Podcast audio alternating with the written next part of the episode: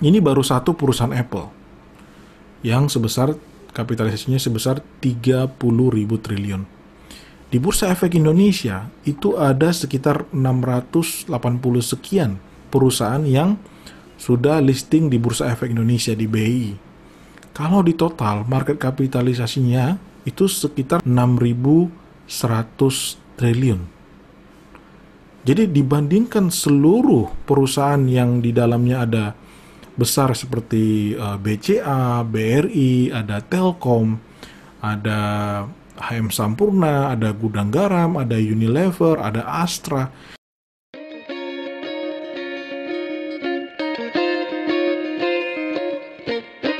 Halo, apa kabar semua? Salam investasi, yo yo yo.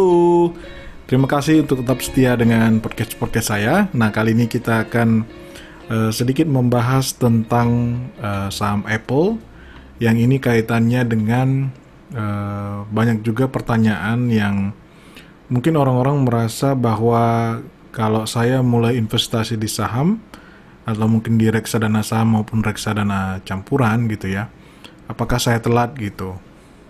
Nah, jadi podcast ini uh, saya lakukan dengan tujuan untuk memberikan gambaran bahwa di Indonesia bisa dibilang ya pasar saham Indonesia masih dalam uh, journey yang panjang. Kita masih bisa dikategorikan pasar yang relatif kecil dan saya akan jelaskan kenapa gitu ya. Artinya kalau teman-teman yang saat ini pun baru bergabung di pasar saham Indonesia, sebenarnya itu adalah masih termasuk investor-investor awal. Kenapa? Karena karena data terakhir di sekitar Juli 2020 ini Uh, itu disebutkan bahwa jumlah investor di Indonesia tembus 3 juta investor ya. Jadi 3 juta investor itu di pasar modal Indonesia. Tidak hanya di Bursa Efek Indonesia di saham gitu ya. Tapi juga bicara tentang uh, investor reksadana. Kita tahu reksadana itu juga ada beberapa jenisnya, ada pasar uang, pendapatan tetap, kemudian ada campuran, ada reksadana saham dan juga ada investor obligasi ya. Jadi surat utang negara misalkan gitu atau ori gitu ya. Nah ini kalau digabungkan totalnya sekitar 3 juta. Dan yang paling besar itu ternyata investor di reksadana yaitu sekitar 2,3 juta orang atau 2,3 juta investor eh, dan ini angka yang cukup mengejutkan karena dari Bursa Efek Indonesia itu menargetkan sebenarnya investor itu mencapai 3 juta di tahun depan. Tapi ternyata setelah pandemi ini terjadi, eh, banyak orang-orang yang justru eh, mencari alternatif gitu. Mungkin seperti kita ketahui bahwa eh, banyak juga orang yang menahan spendingnya karena ketidakpastian, mungkin mencoba untuk masuk ke instrumen-instrumen uh, yang perbankan punya. Jadi misalkan deposito atau tabungan berjangka seperti itu. Nggak ada yang salah dengan itu. Tapi tampaknya juga mulai uh, banyak investor mencari return yang lebih tinggi tentunya dengan risiko yang lebih terkontrol. Karena kalau masuk langsung ke pasar saham tidak punya knowledge itu tentu risikonya lebih besar. Maka alternatif yang bagus adalah di tengah yaitu reksadana di mana uh, investasi Anda dikelola oleh manajer investasi berupa produk reksadana. Nah, akhirnya dari 3 juta ini, sekitar 2,3 jutanya itu berinvestasi di reksadana. Belum lagi memang sekarang banyak aplikasi yang memudahkan uh, generasi muda maupun uh, anak orang-orang yang masih baru berinvestasi di pasar modal mengakses produk-produk tersebut hanya dengan hitungan detik hanya dengan mendownload kurang lebih satu menit sampai lima menit aplikasi sudah bisa membeli eh, produk-produk uh, di reksadana tersebut. Jadi ini saling matching. Growth dari aplikasi juga semakin banyak ya. Kemudian masyarakat juga di masa pandemi mencoba mencari alternatif. Uh, dari dari 3 juta tadi 2,3 lah yang paling besar itu uh, berinvestasi di reksadana.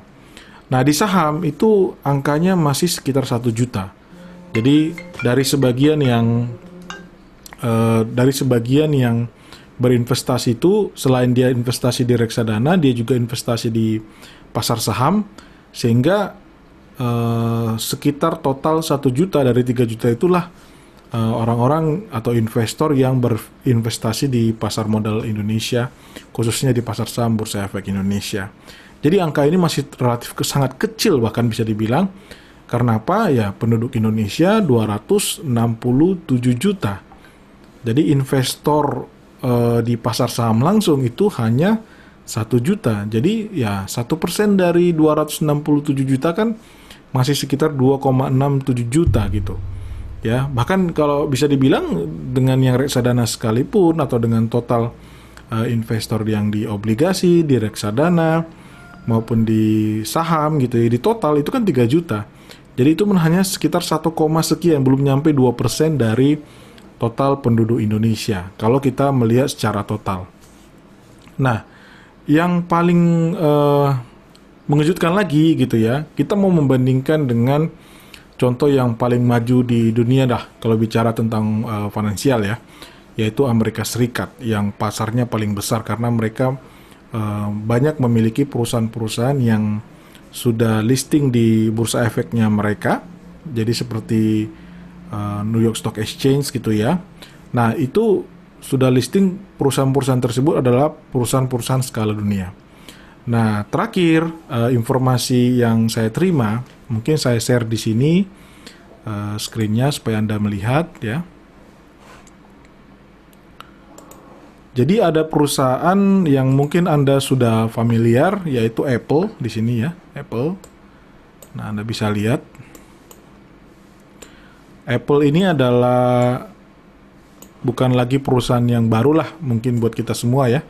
Jadi Apple ini memproduksi gadget dan uh, laptop gitu ya. Ya alat elektronik yang sering kita gunakan ya. Contohnya saya juga salah satu peminatnya.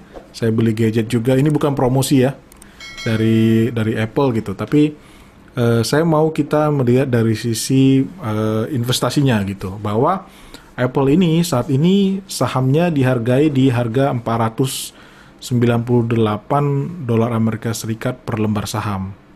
Nah, dengan 498 dolar ini kalau dikalikan dengan seluruh jumlah saham yang beredar dari Apple itu market kapitalisasi jadi eh, besarnya kapitalisasi pasar dari Apple ya di bursa efek di Amerika Serikat itu sebesar 2,12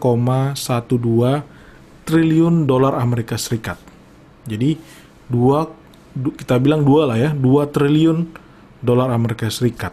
Jadi yang sekarang menjadi uh, perusahaan paling besar sedunia market kapitalisasinya.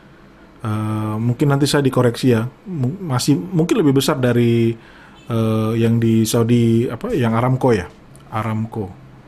Oke, nanti kita lihat, nanti kita cek. Tapi pada intinya di Amerika Serikat, Apple ini yang paling besar, 2 triliun dolar Amerika Serikat. Kalau kita rupiahkan, simpelnya kita kali 15 ribu lah gitu ya.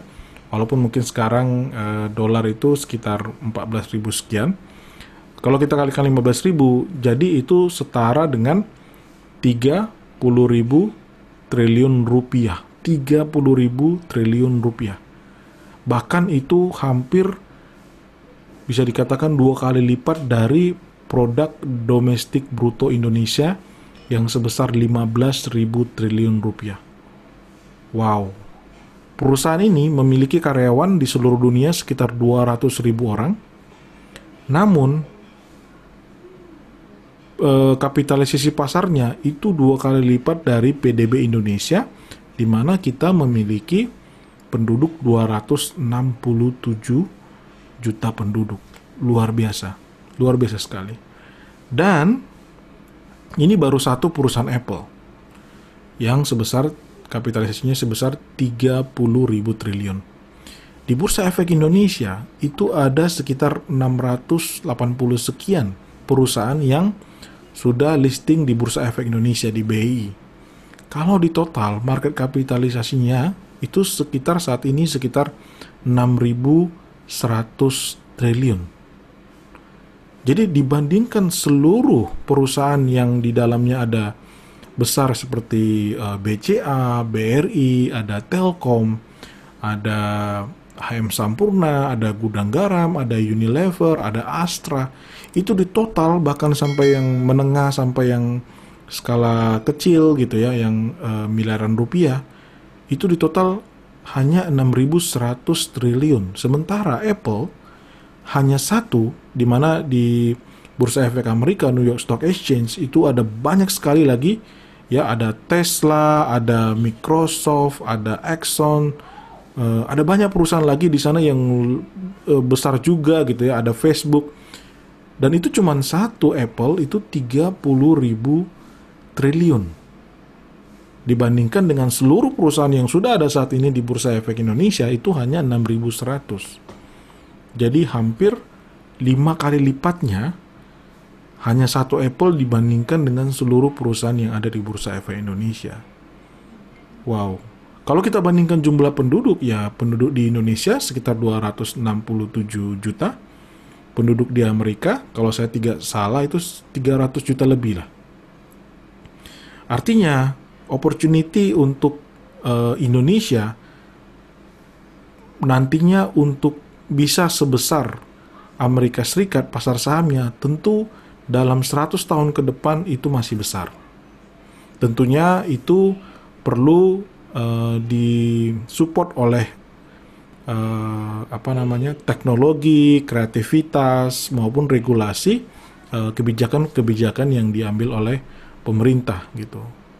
Ya saya sangat saya sangat senang karena sudah mulai banyak sekarang uh, startup-startup company yang sudah menjadi unicorn dari Indonesia dan kita berharap mereka juga nantinya akan bisa masuk ke skala internasional atau skala global. Karena ya seperti Apple, Microsoft, Tesla, Facebook, mereka bisa sangat sebesar itu karena mereka bermain di dunia global, internasional, tidak hanya menjual produknya di Amerika Serikat saja, gitu. Nah kembali ke pernyataan saya yang pertama bahwa satu juta investor di pasar saham Indonesia jumlah yang masih sangat kecil. Financial literasi kita masih sangat rendah. Bahkan jumlah investor yang benar-benar berinvestasi di produk-produk keuangan masih bisa dikatakan di bawah 2%. Jadi Anda ya anak-anak muda mungkin atau generasi-generasi muda yang baru mengenal uh, yang sudah mengenal pasar saham di usia 20-an seperti saya dulu gitu ya. Menurut saya Anda sangat beruntung karena sebenarnya Anda masuk ke kategori orang yang jumlahnya sekitar eh, satu uh, persen lebih dari total seluruh penduduk Indonesia yang memahami bahwa ada opportunity di pasar saham atau di pasar modal Indonesia. Jadi Eh, dengan adanya podcast ini saya berharap teman-teman juga mulai bantu mengedukasi setidaknya uh, mengajak ya Anda punya mungkin sahabat, Anda punya keluarga melihat opportunity uh, bahwa nanti ke depannya pasti pasar modal Indonesia akan semakin bertumbuh. Ya, ada beberapa uh, prediksi maupun riset yang mengatakan bahwa di 2045 Semoga Indonesia bisa menjadi negara keempat dengan PDB tertinggi, ya, dengan PDB tertinggi karena uh, kita memiliki uh, keuntungan dari sisi uh, jumlah penduduk yang produktif yang saat ini usia kerja itu cukup milenial itu cukup tinggi persentasenya sehingga nantinya itu bisa dapat mengangkat PDB maupun ekonomi Indonesia secara keseluruhan atau bonus demografi istilahnya begitu. Nah itu dia jadi uh, buat anda yang baru uh, masuk ke pasar modal Indonesia, uh, anda sebenarnya bisa dikatakan uh, kategori orang-orang yang masih di bawah 2% yang memahami tentang uh, financial literacy maupun investment literacy dan Anda sangat beruntung dan saya berharap ke depannya Anda bisa juga mengajak, mengedukasi, masuk ke komunitas-komunitas, ya berdiskusi supaya semakin banyak lagi orang-orang yang memiliki kesempatan untuk menikmati uh, hasil dari investasi di Bursa Efek Indonesia salah satunya maupun di produk-produk uh, keuangan di reksadana maupun obligasi yang dikeluarkan oleh pemerintah maupun korporasi. Itu dulu pesan yang bisa saya sampaikan. Uh, semoga tetap semangat di masa pandemi, kita tetap sehat, positive thinking, jangan pernah berhenti berkreasi dan selalu berinovasi. Terima kasih untuk terus mendengarkan podcast saya. Saya mohon pamit, Yosi Girsang dari Tagar TV. Sampai ketemu kembali. Salam investasi. Yo yo yo.